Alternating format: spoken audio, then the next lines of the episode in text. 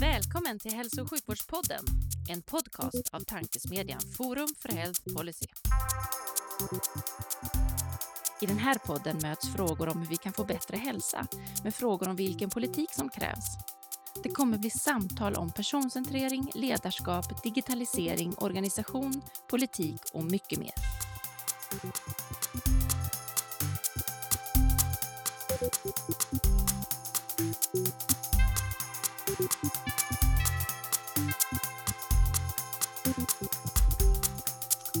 Hej och välkomna till Hälso och sjukvårdspodden, tankesmedjan Forum för Health Policys initiativ för att sprida goda idéer och tankar kring dagens och framtidens hälso och sjukvård och omsorg. Jag heter Magnus Lejelöw och arbetar i vardags för Colivia, men även ambassadör för Forum för Health Policy. Och vid min sida idag har jag förmånen att ha en gäst som jobbar inom den viktiga omsorgen, men har en historia från i princip varenda hörn av hälso och sjukvårdens policylandskap. Varmt välkommen Hans Dahlgren. Tack, det är riktigt roligt att vara här. Det tycker jag också. Vad skönt, då är vi två som tycker det är roligt. Det, det blir bra. Det är minus eh, 17 grader utanför, så det är en så här kall vinterdag, men då är det skönt med lite värmande frågor som hur tror du att svensk hälso och sjukvård ser ut 2040?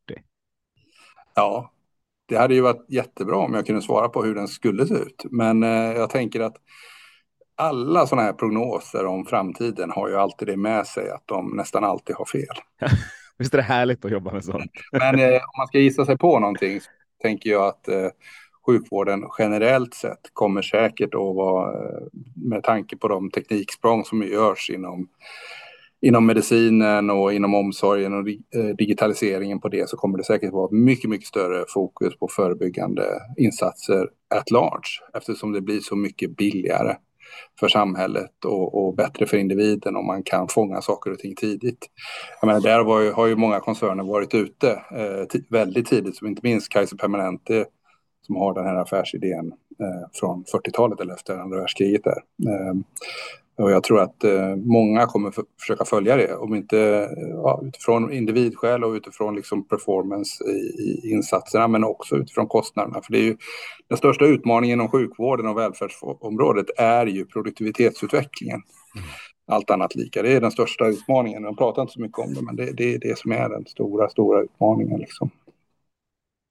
Och, och, produktivitet är ju ett sånt här ord som så fort vi nämner det inom hälso och sjukvård så, så, säger, så säger alla att nej, men det här är ju inte en industri.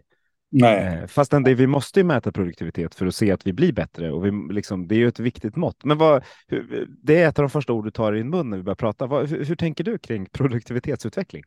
Nej, men jag kan väl ta något exempel liksom, eh, där, där vi, man, man, kan tänka produktivitet och sen kan man ju tänka effektivitet. Liksom. När jag jobbade på praktikertjänst så, så eh, la vi mycket anbud och startade mycket verksamheter. Eh, under min tid där så var vi intresserade av att, att lägga anbud på Sankt Görans sjukhus. Eh, och eh, det blev inget anbud så småningom. Eh, men, men där försökte vi spänna bågen utifrån det här tanken med hur kan man jobba på ett annorlunda sätt. Då sa vi väl ungefär så här till politikerna att hörrni, ni har upphandlat den här verksamheten nu tre, fyra gånger oavsett majoritet. Och den har drivit utvecklingen inom Stockholms sjukvård på ett positivt sätt. Eh, minskat kostnader och ökat också produktiviteten och kvalitetsutvecklingen. Det har varit bra för Stockholm liksom. Men eh, om man ska ta ett riktigt stort steg och inte bara springa lite fortare i korridoren så behöver man jobba på ett annat sätt. Och då tog vi ett antal politiker ner till Valencia i, i, Spanien och tittade på sjukvårdssystemet där. Och där hade man ju byggt upp hela, hela regionen eller landstinget i, i ett entreprenadsavtal på 15 år där man tittade på förebyggande insatser och de som redan var sjuka punktmarkerar man. Så man tog ungefär 30 000 av sina invånare på ungefär 350 000 och punktmarkerade dem i vardag med ett digitalt system som heter Florence. Ett samarbete med Microsoft. Där man helt enkelt eh, tog alla som hade eh, kroniska sjukdomar, följde dem ganska noga, monitorerade dem i hemmet så att när man såg liksom en avvikelse så blev man kallad till sin vårdcentral. Och där lyckades man liksom producera vård per invånare för ungefär 700 euro per person och år. Mm. Och eh, i Sverige låg man ju då på en kostnad på lite över 2000 euro per år. Och hur lyckades man med det? Man, man lyckades genom eh, digitalisering och ett fokus på de mest sjuka och ett fokus på förebyggande arbete. Eh, och eh, det här systemet eh, skapade ju ett nytänk runt patienterna. Det ledde också till att när man var på sjukhuset där så man frågade hur lång var väntetiden på akuten. Då snittade de på tio minuter. Mm. Och det berodde ju på att de mest sjuka var inte de som pendlade ut och in i systemet på samma sätt där. Men den riktiga värdemätaren tycker jag var när man pratade med, om du pratar med en taxichaufför när du åker i Stockholm och pratar om sjukvården så får du säkert liksom någon sorts sanningar levererade. Gör du samma sak där så är ju beskrivningen av sjukvården extremt positiv. Och det visar också, liksom, tror jag, liksom, att det här systemet inte bara funkar när man tittar på data, utan tittar, alltså, de som bor där ser också den förändringen. Och det där är ju, det, det där är ju riktig, riktig eh, utveckling av det som driver produktiviteten. Att jobba med rätt saker på rätt plats i tiden för patienten. Med rätt metoder och så. Och då kommer två följdfrågor på det. För, för det första så eh, om man, om man nu har lyckats så väl, varför, liksom, varför gör vi inte det överallt? Nej, men det, är och, bra och, det, är en bra fråga. Liksom. För vi gör ju lite, alltså, om du frågar i Sverige så skulle man säga att ja, men Borgholm har ju liksom liknande tendenser. 1000 har snott några delar av, alltså det finns ju liksom, det finns ju öar som har tagit delar av det där, men inte alltså kanske. Det går, det går, inte att, det går inte att jämföra liksom. Man, man måste tänka här. Nu försöker har... jag vara positiv här för Sveriges ja. skull. Får... Nej, men det, det, det, är ju öar och det är positiva exempel liksom. Men, men man försökte ju tidigt på 80-talet göra något liknande i Dalarna vet jag. Eh, men det var innan digitaliseringsmöjligheter fanns. Liksom. Eh, Kaiser Permanente har ju haft den här modellen i princip. Jag menar, där, där blev, kunde du inte bli kund om inte du gjorde en hälsoanalys innan och tog ansvar för de delar där du liksom låg dåligt till. Liksom. Och jag menar, hela den idén baserades ju på liksom, att man ville minska sjukfrånvaron på arbetsplatserna i skeppsbyggnation. Liksom. Men jag menar, jag, jag tror att eh, utgångspunkten för mig är i alla fall att varför gör man inte så här? Överallt. Ja, men det handlar ju om till syvende och sist om sense of urgency och mod liksom. Eh, som politikerna måste ha. När vi pratade med politikerna om detta, både M och Socialdemokraterna på den tiden, så, så eh, det som var hindret för Socialdemokraterna var ju den långa liksom, entreprenadstiden. Mm. Och för Moderaterna så var det att det finns ingen valfrihet i det här systemet. Men det är ju ver verkliga småfrågor i sammanhanget. Och då har man inte riktigt sense of urgency att pengarna är slut. Liksom. Men det svenska systemet bygger ju på, på liksom, eh, någon sorts eh, sortering via köer. Liksom. Eh, så att man märker liksom inte av eh, att, att vi har stora problem med produktiviteten. Det, det man märker av är liksom långa köer och, och kvalitetsbrister. Liksom.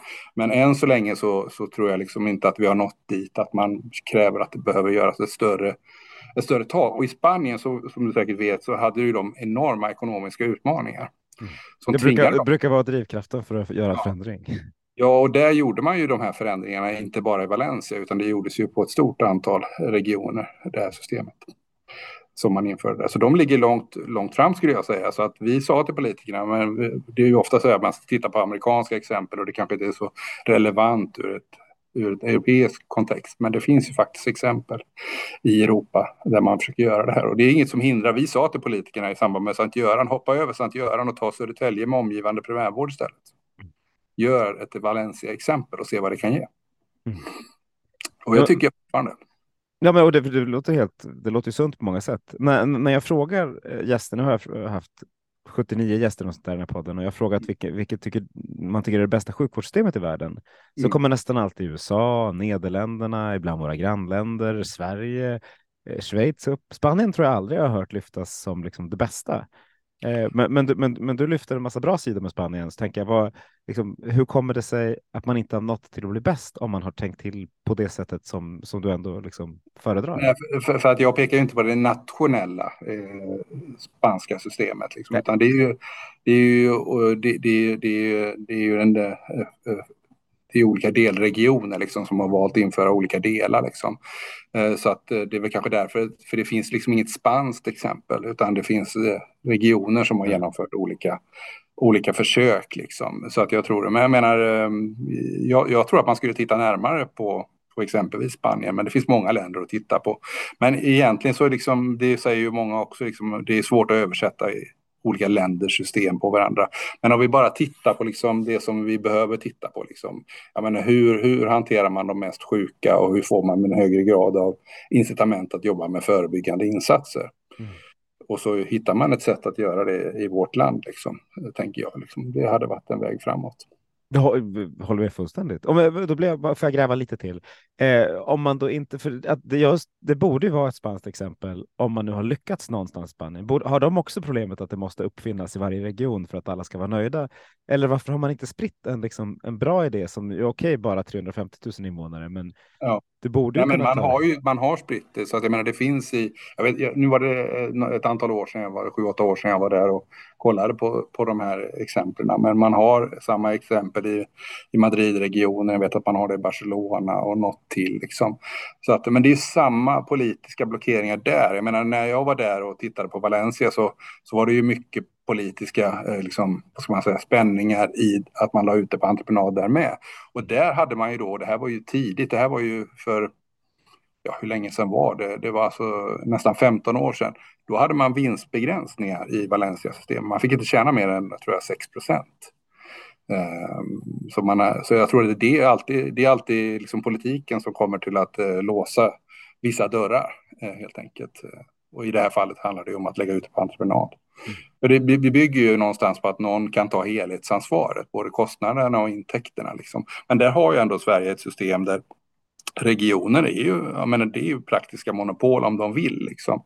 Så om man bara bortser från privat och offentligt och bara tänker på ja, hur använder vi skattepengarna mest effektivt? Och då menar jag inte att man ska liksom upphandla en speciell insats några procent billigare.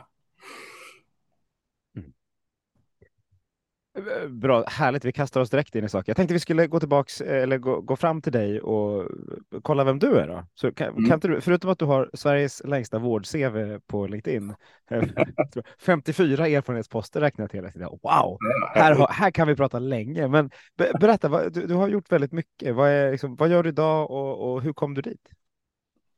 Men vad jag gör idag är att jag jobbar eh, på, inom Humana då, som är en eh, omsorgskoncern som har ungefär 20 000 medarbetare, och omsätter 8 miljarder i Norden. Eh, och där jobbar jag med lite olika saker. Jag är, jobbar med utvecklingsfrågor, kvalitetsfrågor, fastighetsfrågor, eh, bland annat. Eh, och eh, mitt uppdrag här handlar ju om det som vi snuddade vid i inledningen, nämligen att eh, min eh, vd då, Johanna drivs hårt av det här. Hur skapar vi värde inom omsorgen? Hur vet vi att vi levererar värde? Och det är ju samma sak som inom sjukvården, att man, man, man blir belönad på aktivitet och produ produktion i väldigt hög utsträckning. Men hur går det egentligen för de som får våran vård? Blir de bättre eller blir de sämre? Liksom? Eller blir, händer det ingenting alls? Liksom?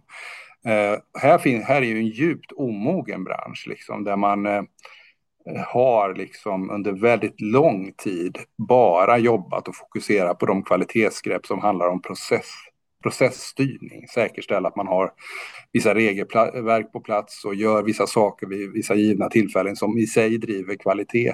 Men både samhället, eh, alltså på, på samhällsnivå och bland kommuner har man inte intresserat sig för hur det går för någon som sitter exempelvis eh, och, får behandling under ett år eh, för missbruk.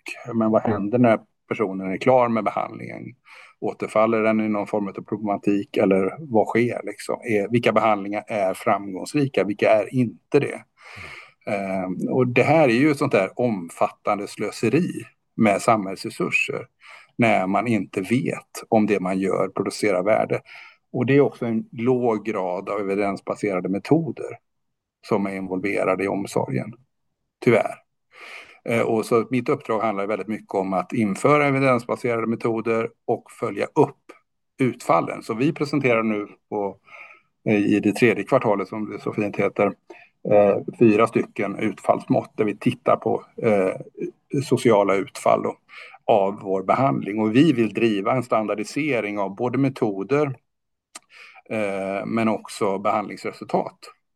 mm. där vi kan göra jämförelser mellan oss och kommunala eller andra privata aktörer där både den som köper tjänsten och den som blir föremål för tjänsten ska kunna se huruvida den är så att säga mer eller mindre bra. Spännande och det är ju, en, ett, viktigt område med tanke på att eh, ni är i en, en bransch som ibland får, eh, man lyfter upp de dåliga exemplen rätt ofta eh, och liksom pratar, pratar om de negativa effekterna snarare än de positiva effekterna. Men det finns väldigt många negativa exempel. Ja. Man, måste man också säga liksom. Och det finns väldigt, väldigt många eh, brukare också. Ja, det finns det. Eh, eh, men, men, jag tror liksom att eh, det är ju inte en resursproblematik på samma sätt som det kanske är inom sjukvården. Utan här finns ganska mycket resurser. Liksom. Mm. Problemet är att den som betalar för det inte efterfrågar resultaten. Mm. Och det är egentligen ganska stora likheter med hur det såg ut inom, inom barn och ungdoms och vuxenpsykiatrin för ja, 15-20 år sedan. Medan idag så drivs det kvalitetsupphandlingar exempelvis i Stockholm. Eh, där man har väldigt fokus på resultaten. Eh, så har det inte alltid varit. Och inom omsorgen, så jag tror att sådana här vågor kan man se både inom eh, eh, hälso och sjukvården. Vi såg det inom högskole och universitetssektorn. Jag vet inte om du kommer ihåg det, om du var med då, men för drygt 20 år sedan så sysslar man bara med processkvalitet inom eh, högskolor och universiteten. Idag så tittar man ju faktiskt och granskar enskilda utbildningar och ser om de har ett bra resultat eller inte. Det var ju en big no-no för 20 år sedan. Då skulle man bara åka runt och titta på varandras kvalitetsarbete och tycka om det var bra eller dåligt. Liksom. Lite där är omsorgen. Jag menar, det som myndigheterna granskar det är om man har, eh, genomför eh, de rutiner som är, som är etablerade eller inte. Liksom. Eh, man tittar inte på själva omsorgsresultatet tyvärr. För 20 år sedan ungefär gick jag på universitetet så jag kan säga att min koll på processmåtten var ganska dåliga. Koll, ja. på, koll på barmästeriet och sånt där, det var ganska bra, men just, ja. just processkollen hade jag inte. Men, så jag, det, det, det en, jag tror faktiskt när du gick på universitetet, kanske om du var engagerad, så blev man ofta inbjuden till sådana här intervjugrupper där man fick eh, berätta hur, hur, hur, man tyckte att eh, kvalitetsarbetet pågick på, just på sin utbildning. Liksom. Ehm, men, men det, det, det, är klart att man som student eh, och varandes vilja studera så, så, hade man ju varit ganska intresserad. Hur går det liksom, på ekonomprogrammet i Halmstad egentligen? Får folk jobb efter det? Ja. Jag håller med. Jag gick, en, jag gick en utbildning som det bara fanns en i Sverige, så jag var ju liksom, ja. jag behövde ju inte ens jämföra med. Vad var det, det för unik utbildning? Apotekare. Numera, ja, ja. numera finns det på flera ställen, så nu är det en annan sak. Ja, ja. Så, så, så den är inte lika unik längre, men nog så viktig. nog så viktig, nog så viktig. Men eh, ni, ni, skrev en debattartikel, du och Johanna, om, om just det här med kvalitet. Mm. Eh, och, och där ni nämnde sociala utfallskontrakt i, i, i rätt stor utsträckning, som ju också är sån här ett eh, om det är ett buzzword eller inte, men vi har pratat om det ganska länge och inte infört så jättemånga Eh, införts i Norrköping och inf vi pratas mycket om det, det på diabetesområdet i Stockholm och så där. Men det är också en sån här sak som alla Valencia borde skalas upp i större utsträckning kan jag tycka när jag ser resultaten. Ja, alltså det är ju... Det, det, ja. Än en gång så får man, måste man gå lite utanför landets gränser. Liksom. Det är ju en väldigt, väldigt stor sak inom Europa ja. och även i Nordamerika, Kanada, USA, Nya Zeeland, Sydafrika, Australien så är det här stort. Jag åkte, eh, det är en årlig konferens om utfallsmått och utfallskontrakt på Oxford University varje år i september.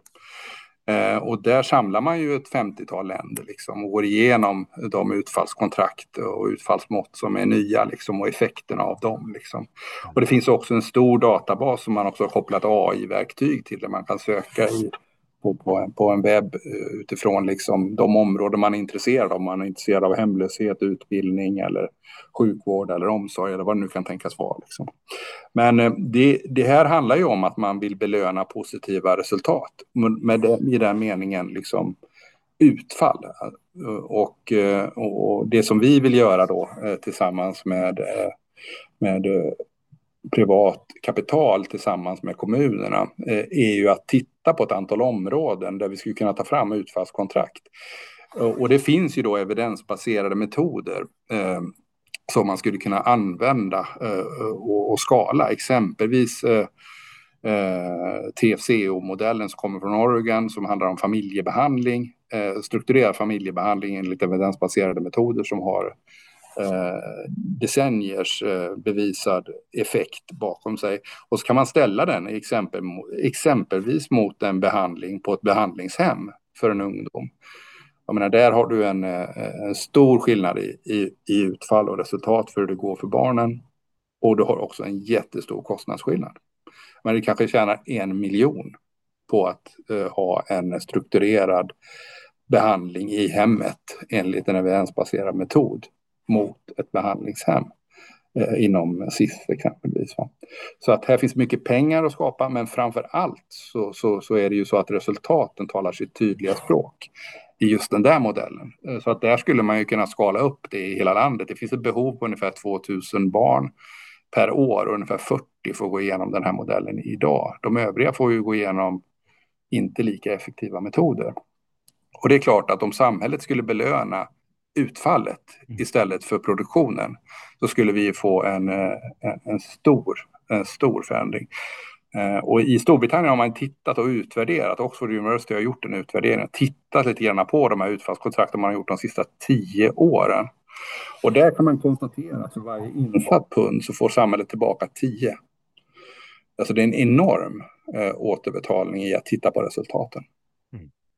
Vilket är inte är så konstigt, för det drivs ju alla av. Man, man, liksom, man får det man mäter och det mm. man ersätts på. Mm. Eh, oavsett om det handlar om, om, individer som arbetar eller om det handlar om patienter i ett system. Ja, så det, det egentligen... motargumenten blir ju ofta de här att det, det, här är så komplexa processer så det är svårt att mäta. Liksom. Men det är någonstans inte så svårt att mäta eh, ett utfall. Jag menar det, man kan göra det väldigt enkelt för sig. När jag jobbade på Team Olivia så hade vi ett samarbete med Karolinska institutet. Där tittade vi på missbruksbehandling. Exempelvis för klienter som hade, eh, eh, också hade liksom bekymmer med, med, med våldsamheter. Och då tittar man helt enkelt på har den här personen eh, eh, ett fast boende? Har man någon form av sysselsättning och är man drogfri ett, tre och fem år efter insatsen. Och då är det ju så att de här grupperna, där kommer du ha kanske 2-3 procent som uppnår de här målen i det här utfallet. Men vår utmaning blir ju att höja det från 2-3 procent till 4 procent, till 5 procent och så vidare. Som det är nu så simmar man ju helt blint. Ja, så länge man inte mäter så simmar man ju. Så länge man inte mäter ja. sådana enkla parametrar. Exakt, och det blir dessutom väldigt mycket lättare för oss som ska använda mm. insatser, liksom, ja. att veta vad man ska välja. Ja, och för ett barn som lider av olika typer av problematik så kan det handla om så enkla saker som att man har kunnat gå tillbaka till en normal skolgång, att man har kunnat flytta tillbaka hem. Mm. Mm. Har ni samma tankar inom äldreomsorgen eller hur, hur ser det ut i Ja, vår ambition är att göra det här inom äldreomsorgen, inom det som är individ och familjs område och inom personlig assistans. Mm. Uh, och, och, då tänker man att ja, det kanske är svårt, men jag menar, om man tittar på personlig assistans exempelvis så, så, så har ju den reformen jättetydliga intentioner. Du ska kunna leva ett vanligt liv. Det är det som någonstans behöver mätas och behöver liksom säkerställas att det blir fallet. Liksom. Och äldreomsorgen, jag menar, där finns ju ett antal kvalitetsregister kopplat till fall eller sår som man kan använda sig av eh, för att se eh, hur den här perioden som är kanske på snitt mellan 8 och 12 månader som man är på ett äldreboende. Det är klart att det spelar stor roll om man får ner eh, de parametrarna som gör att man får en kortare tid så att säga, sista delen i livet. Mm. Och det är klart att det vore, det vore intressant att, belöna den typen av beteende. Man behöver inte belöna det med 100 procent, men det borde vara en komponent. Ja, absolut. Som du hör så är jag all in på det här. Tycker det är jättespännande. Eh, ja. Men min, den stora utmaningen som jag ser handlar kanske eh, går tillbaka till Valencia där, att man mm. gör något bra och så ska man, ska man skala upp det. Hur, hur, hur tänker du att det skulle se ut i Sverige då med 290 kommuner och liksom implementera och skala upp det? Skulle det gå att göra nationellt eh, eller skulle man göra det kommun per kommun eller hur, hur är liksom den rent praktiska? På, på, vilken, på vilket område du tittar. Eh, vi tar, vi tar, vi tar det svåra äldre, äldre, äldreboendena. Ja, jag tror att liksom eh, jag, jag, tror ju väldigt, eh, jag, jag, är ju en anhängare av Eh, kontraktslösningar som bygger på att det, är lätt att ta sig in på en marknad och att villkoren är tydliga och därför tycker jag att LOVen är liksom att föredra. Och, och i LOVen så går det ju att titta på den här typen av parametrar i regelboken om man skulle vilja det. Där, där man belönar eh, ett framgångsrikt arbete att minska, eh, minska exempelvis eh, fall och, och sår och sånt. Jag menar det, det, det, går ju också att tänka sig nationella lovar, men, men det, det tror jag är ett för stort politiskt steg. Liksom.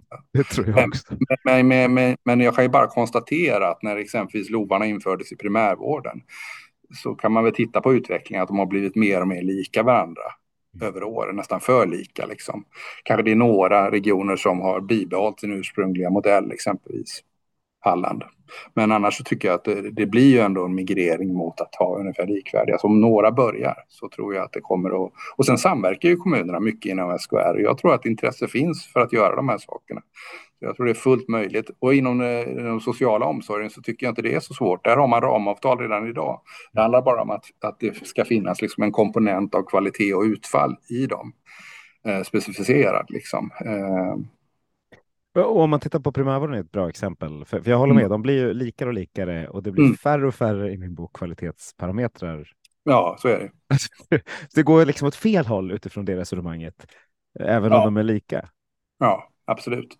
Nej, men eh, nu, har jag inte, nu var det ju ett tag sedan jag var inne i den branschen, men, men det, det är ju alldeles riktigt att eh, liksom, de har blivit allt mer lika och man har laborerat med de här systemen och de, alla migrerar ju mot noll om du förstår vad jag menar. Ja, absolut. Alla försöker liksom snabbt anpassa sig liksom. Det är väl, det är väl Halland, tror jag, som, som fortfarande har bara ålder liksom. Och det är ju svårt att manipulera liksom. Uh, men, men de ersättningssystemen handlar ju mycket mer om att kompensera för vilka grupper Eh, man har eh, på sin lista så att säga. Mm. Snarare än kvalitetskomponenter. Ja, men exakt. Mm. Visst är det så. Ändå så pr vi pratar jättemycket om prevention, eh, mm. både primär och sekundär. Mm. Och, och, samtidigt så, så, ersätter vi det i mycket mindre utsträckning än vad ja. alla, liksom, all vetenskap ja. säger att vi borde göra. Ja. Jag får vara så där jättetråkig här nu ja. och säga jag tycker att det är helt ointressant att diskutera primärvården för sig själv. Det, det jag tycker så det, tråkigt. Men jag tycker man behöver, liksom, man behöver tänka den här tanken liksom, att det är patienten i centrum. Liksom. Och då är ju primärvården en sak. Tillbaka till Valencia-exemplet. Liksom. Eh, vi behöver liksom hitta en systematik i de mest sjuka och vi behöver kunna jobba systematiskt med förebyggande. Mm. Och då måste man kunna belönas på helheten och då måste man ha ansvaret för helheten. Absolut. Det, det, det, kan man ju komma, liksom, om, om man tittar liksom på de privata aktörerna och alla LOVar som har införts i Stockholm inom, inom, inom just sjukvården. Så, så, tycker jag man som betraktare, för det kan jag ju säga att jag är nu när jag är inom omsorgen, så kan man ju konstatera att det finns liksom LOV, LOV-lösningar på alla livets områden. Men det finns ju ingen aktör, mig vetligen, som exempelvis har tagit alla LOVar och byggt en vårdkedja kring dem. Nej, det låter, det låter lite svårt, även om det borde vara. Ja, borde varför vara... är det svårt? Om du tänker dig så här, liksom att, eh, låt oss säga att du är praktikertjänst. Ja. Du har vårdcentraler, du har vårdcentraler som är specialiserade på äldre. Du skulle kunna etablera dig en LOV i hemtjänsten, ASIH. Du skulle kunna etablera dig inom geriatriken.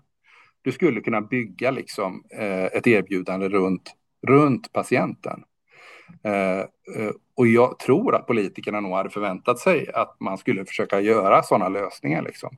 Utan då blir det mer att primärvården är navet, men det är olika aktörer liksom, i de här kedjorna. Jag vet att eh, en del har försökt, men det är väl ingen som utöver liksom Norrtälje där man har allting hos sig, där man har gjort det. Liksom. Men ta Capio eller Praktikertjänst eller Aleris, de skulle ju kunna egentligen göra detta.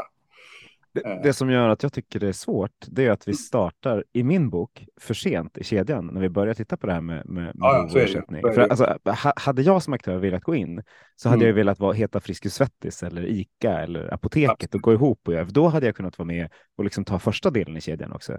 Ja, ja men helt rätt naturligtvis. Det är den optimala tanken, men om vi bara utgår från det som finns nu Absolut, jo men vi, det var det jag menade, för vi har så pass många. Du, för du sa att det borde vara lätt och jag håller med att det borde vara lätt, ja. men jag, jag, tror att det vore ännu lättare om vi hade liksom tittat på även den tidiga kedjan som ju ja. gör att Kaiser Permanent till exempel ja, ser så bra ut.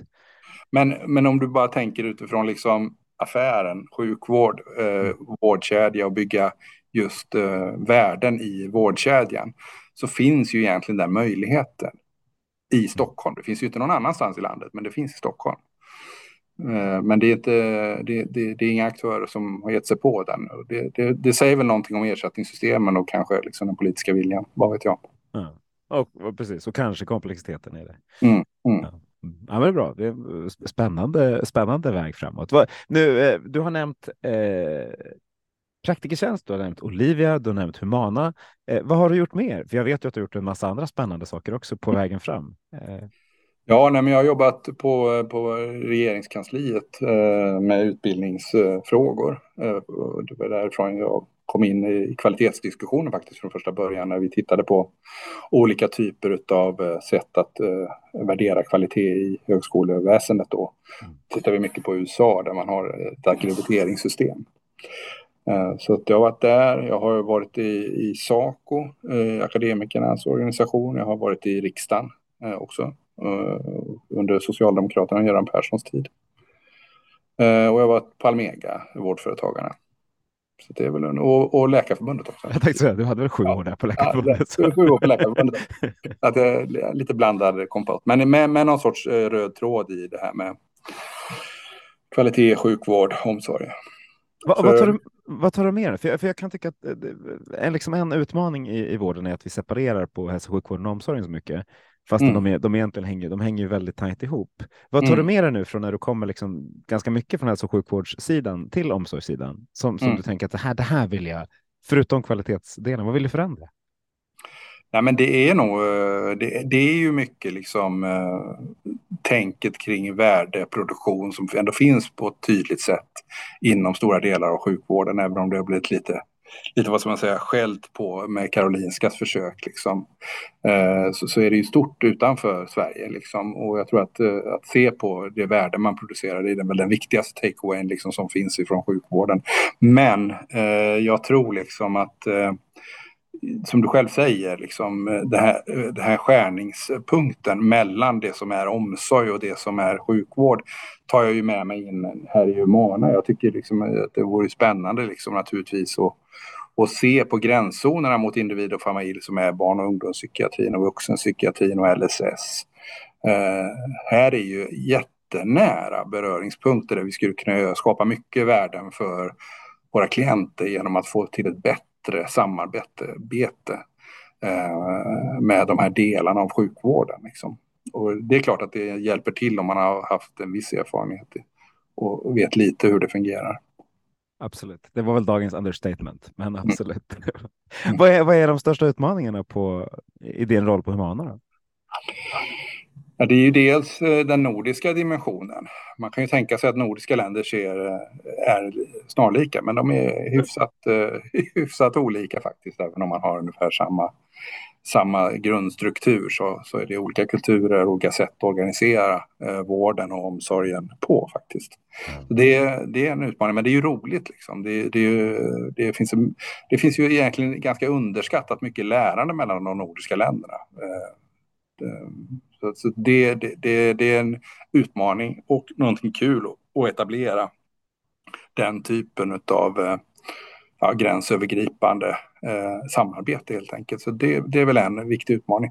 Och, och, och, den andra handlar ju lite grann om, du var inne på det, liksom att det, det talas väldigt mycket runt dåliga exempel på vård inom omsorgen. Det talas väldigt lite om eh, det arbete som görs att förbättra och utveckla eh, omsorgerna. Liksom brett.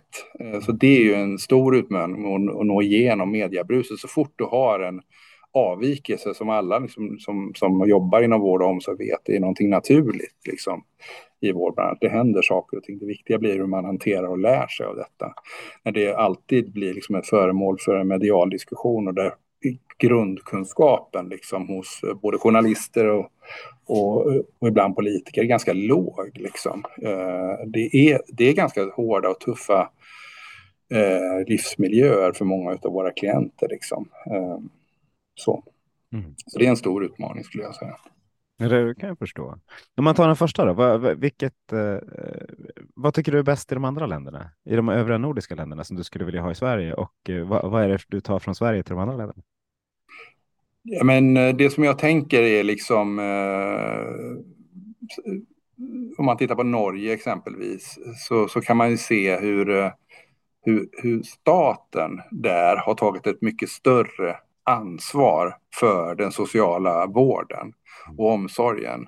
Man eh, eh har tagit lite mer ansvar än man gör i Sverige på, på det som är liksom att, att mäta och följa individerna före och efter insats. Liksom att man gör skattningar helt enkelt på individer oberoende när man flyttas in på en institution och hur det går under tiden på institution och när man kommer ur det.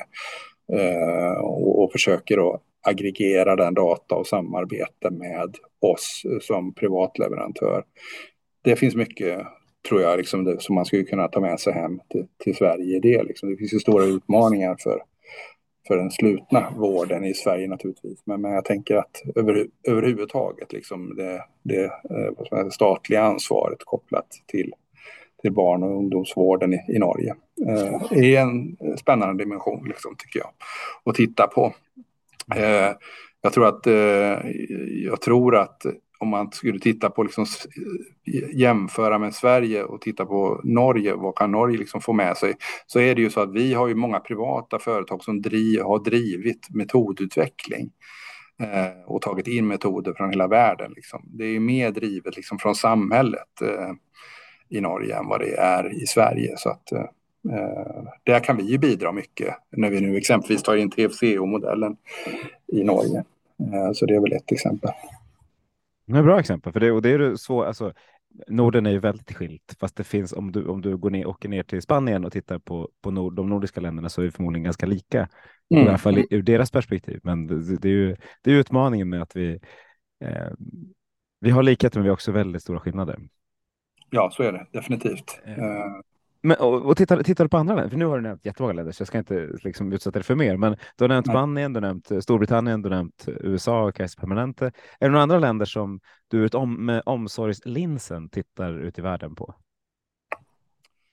Ja, alltså Nya Zeeland och Australien är spännande eh, länder. Där pågår ganska mycket eh, så, som är spännande att titta på. Men det, det, där har ju Norden hämtat väldigt mycket från under lång tid, både inom sjukvården och skolan och, och högre utbildningsväsendet. Jag menar det, det är väl liksom det som är liksom västvärlden någonstans där samarbetena etableras och där man har möten där kunskap sprids. Liksom. Men överlag så tror jag liksom att man ska försöka i våra roller, när man har den typen av roller jag har eller, eller om man är politiker. Det är viktigt att komma ut och lära och, och uh, lyssna på vad andra gör. Mm. Ja, det är jätteviktigt utan tvekan. Eh, om man ska lyssna på något som, som, som vi gör i Sverige så, så kan man lyssna på, på SKR som igår, höll jag på att säga, är det väl i förrgår när vi, när vi sitter och pratar, eh, släppte mm. sin personalrapport eh, om liksom, kompetensförsörjning framåt och man ser att ho, här har vi ett behov som heter duga inom omsorgen ja. och äldrevården. Hur, hur tror du att vi ska kunna överbrygga det? För läser man SKRs rapport så är det jo, om vi jobbar lite annorlunda och alla lägger manken till så löser vi det här. Och det tror ju kanske inte riktigt jag på. Förlåt, nu, det, det, det, blev, det blev nästan en, en liksom, så, fråga jag svarade på själv. Men vad, vad tänker du kring, kring utmaningen? Ja, men jag delar nog inte din uppfattning där. Jag, jag, jag lyssnade på rapporten och uh, jag läste sen uh, rapporten. Och uh, det de pekar ut är ju en fantastisk utmaning där näringslivet vill ha ungefär 70 procent av all ledig kapacitet de kommande åren. Och där det offentliga liksom vill ha ytterligare lite till liksom, så att det är en ekvation som så att säga inte går ihop. Nej. Det är 188 000 tror jag de sa som man behöver fånga in som inte går att fånga in idag. Men de pekar ju faktiskt på lösningen. Liksom. De pekar på att vi har en stor del av eh, de som har invandrat hit som inte är i sysselsättning. Och, och skulle man kunna höja sysselsättningsgraden bland de som är 60 plus så skulle man kunna faktiskt lösa den svåra ekvationen. Och, och det positiva är ju också det att de som har invandrat hit har något högre utbildningsgrad också. Så jag, jag tror att, eh, att, att titta på de två delarna är nog vägen fram liksom. Eh, i, i, så de pekar ju faktiskt ut lösningar. Sen är det ju alltid frågan om hur lyckas man med detta då? Men man har ju inte lyckats hittills. Liksom. Man kan titta på liksom att det tar väl sju år innan de som kommer hit i snitt liksom får någon form av sysselsättning. Och det är ju bedrövligt. Liksom. Eh, men, men, som vi var inne på tidigt i vårt samtal så är det nog en sense of urgency som kanske kan göra att man hittar nya lösningar på att, eh, att skapa, eh, att ta, ta, ta lite ur den här ändå kapaciteten, reserven som finns där. Liksom. Eh, men det är en betydande utmaning och jag tror att vi konkurrerar ju om samma individer allihopa. Liksom. Ja, precis. Och jag raljerade lite när jag ställde ja. frågan, men, men, det, men det som känns är att det är, det, det är ett problem som bara ökar. Ja. Eh, och ändå så, och det, visst, det finns en lösning där, men vi gör ju inte tillräckligt för att få den där lösningen att landa. Nej, absolut inte. Och jag tycker vi varandes liksom samhället, men också alla företag och så gör inte heller tillräckligt tror jag. Liksom. Eh, det är ju en daglig, alltså jag skulle säga att det kanske är den största utmaningen här och nu för Humana som bolag. Det är eh, liksom rekryteringsutmaningar liksom. Mm. Eh, i all tillväxt vi har. Vi, vi, vi växer ju ganska mycket och, och märker av det här hela tiden. Om du hade fått, om du fått blankt papper då, och fick skissa om äldreomsorgen, tänker så här skulle jag vilja göra för att, för att det skulle, vi skulle kanske bygga om, bygga, om, ja, men bygga om det så vi kunde lösa, så vi hade löst det här. Vad, hade, du, hade du gjort något annorlunda? hade jag säkert gjort. Det är ju en uh, enorm frihet man skulle få att vara, vara diktator för en dag. Liksom. Ja, men exakt. Det är alltid mysigt att vara teoretiskt. Ja, nej, men jag, jag är ju en varm, varm anhängare av privata initiativ. Eh, jag tror eh, att det hade varit bra exempelvis med en eh, nationell LOV när det gäller äldreomsorgen. Av många olika skäl. Jag menar förutsägbarhet och planering för privata företag exempelvis skulle ju underlättas om villkoren var snarlika i hela landet. Liksom jag menar, vi, vi har exempel på där vi har etablerat oss eh, där det kanske ska bli, bli en LOV och sen blir det ingen LOV. Eh, så står man där med liksom byggnader och kostnader. Eh, det är djupt oförutsägbart. Liksom. Så att jag tror det är det ena. Och det andra är ju naturligtvis att ersättningssystemen skulle be, belöna utfall i högre utsträckning än vad de gör idag. Utfall utifrån liksom, Eh, den målgruppen som vi då pratar om. Och de ser ju lite olika ut på äldreomsorgen beroende på var i livet du är så att säga. Så att hitta system för det skulle jag nog lägga ganska mycket kraft på. Och jag skulle skapa en nationell LOV eh, inom äldreomsorgen brett. Med de, med de delar som är kopplade till äldreomsorgen också. Alltså avancerad hemsjukvård och eh, hemtjänst och hela de här bitarna jag tror mycket på de privata initiativen. Jag tror att det är vägen fram. Liksom. Mm. Ja, precis. Oavsett, det som är bra med nationell LOV är att eh, både de privata och de eh, ja. offentliga kan kriga på samma villkor. Ja, eh, absolut. Ja, det, är, det, det är i alla fall i teorin tänkt så ja, naturligtvis. Men, men, jag håller med. men jag håller med dig. Jag tycker att de offentliga absolut kan vara med på det. Men jag tänker liksom att det, det, är ju viktigt med ett eh, regelverk som är någorlunda transparent och förutsägbart liksom, eh, i den betydande framtidsutmaning som ändå eh, hela äldresidan står inför. Mm. Och visst är det så. Om man tar på din gamla hatt då, på, på Läkarförbundet mm. så tittar du nu, för, för, inom, inom omsorgen så är det liksom så är det en annan typ av personalkategori Mm. i mångt och mycket. Hur ser du att liksom, samarbetet kan bli bättre där? Hur ser du att liksom, läkarkompetensen som börjar smyga in i kommunerna till och från och som ja. ni förmodligen har liksom, tillgång till på Humana, men som ju det är ändå två olika ben som, gör, som, som jobbar med det där inom omsorgen. Ja. Hur tror du man kan göra det ännu vassare? Ja, alltså det var ju, det, det, det är ju ett misstag liksom att inte möjliggöra anställningar av läkare i kommunerna sedan länge. Liksom. Eh, för det är klart att läkarinsatser måste kunna finnas eh, även där. Liksom. Eh, och du säger ja, att, ja, vi, att vi har tillgång, ja, det är klart vi har tillgång till läkare, men jag menar vi styrs ju under samma typ av regelverk och förutsättningar som kommunerna. Så det är ju ganska låg grad av detta egentligen. Liksom. Och det såg man ju inte minst i pandemin, liksom, väldigt tydligt liksom att eh, jag menar, när jag jobbade på Läkarförbundet så drev vi mycket och det tycker jag fortfarande det här med att alla ska ha rätt till sin liksom, fasta läkarkontakt. Va? Och motargumentet mot det var ju alltid detta liksom att ja, det är bra, men det viktigaste är att de som verkligen behöver det har det.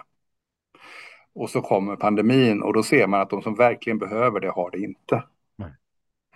Mm. Så att, eh, och jag undrar om inte liksom, äh, även där, alltså den här liksom, ska man säga, diskrimineringen eller nejet så att säga till att eh, hitta vägar fram där eh, runt.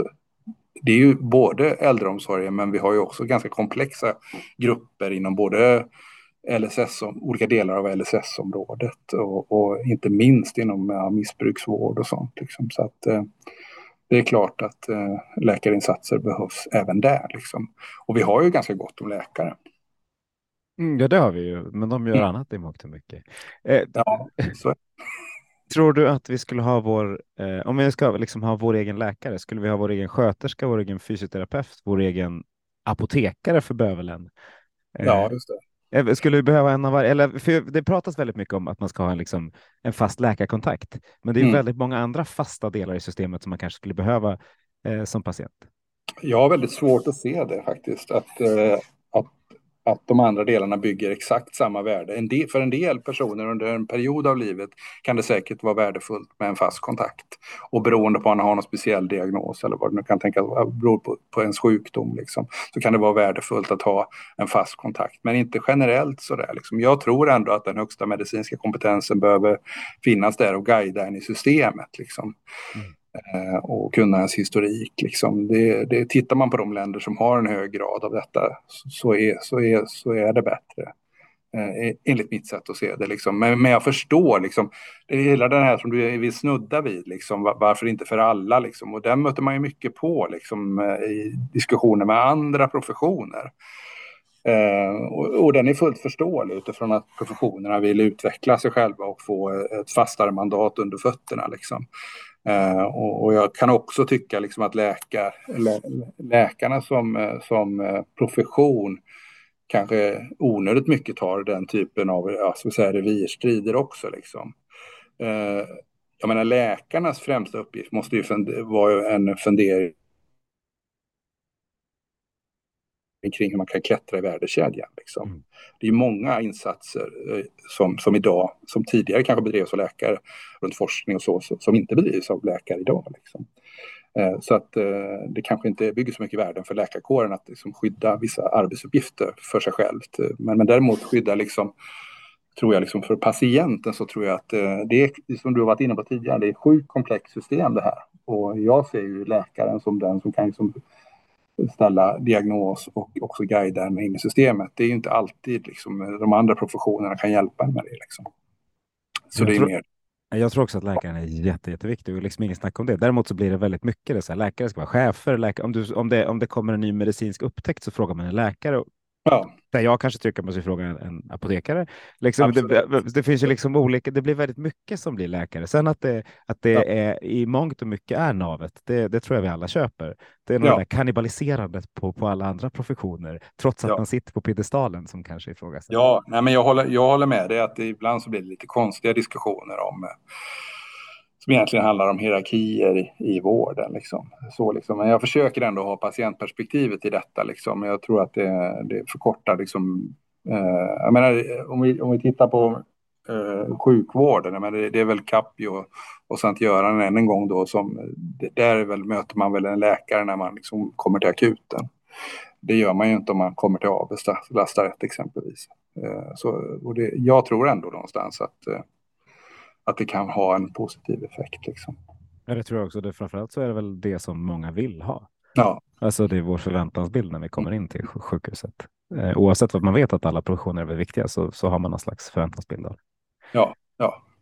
Eh. ja, men så är det absolut. Men, nu, jag var touchade på, att, på, på, på ledarskapet, eh, att mm. läkare vill vara ledare också, vilket ju liksom, det finns många duktiga chefer som är läkare. Det finns också många dåliga eh, läkare eller dåliga chefer som är läkare. Eh, men vad, vad, vad, tror du om ledarskapet i vården? Hur tror du vi ska bli liksom göra? Vad, vad ska vi göra mer av? Vad ska vi göra mindre av? Det här är ju en sån här fråga som är brännande verkligen, som du nöddar. Alltså man märker, märker det inte minst inom sjukvården och bland läkarna så diskuteras ju ledarskapet bland dem själva ganska mycket. Liksom.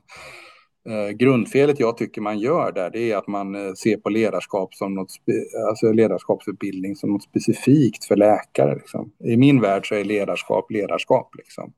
Sen har man liksom olika grunder för sitt ledarskap. Liksom. Eh, jag tror inte på liksom anpassade utbildningar för olika professioner. Det handlar om ledarskap. Liksom. Men jag tror att ganska många läkare tänker i de banorna. Eh, att, de liksom, att det är unikt eh, och att de har en särskild typ av ledarskap. Men jag tror att det till huvudsakligen så handlar det, precis som i alla andra verksamheter, om att leda, led, leda människor och medarbetare mot någon sorts vision och, och, och konkreta mål. Liksom. Och, och det kan se olika ut. Liksom.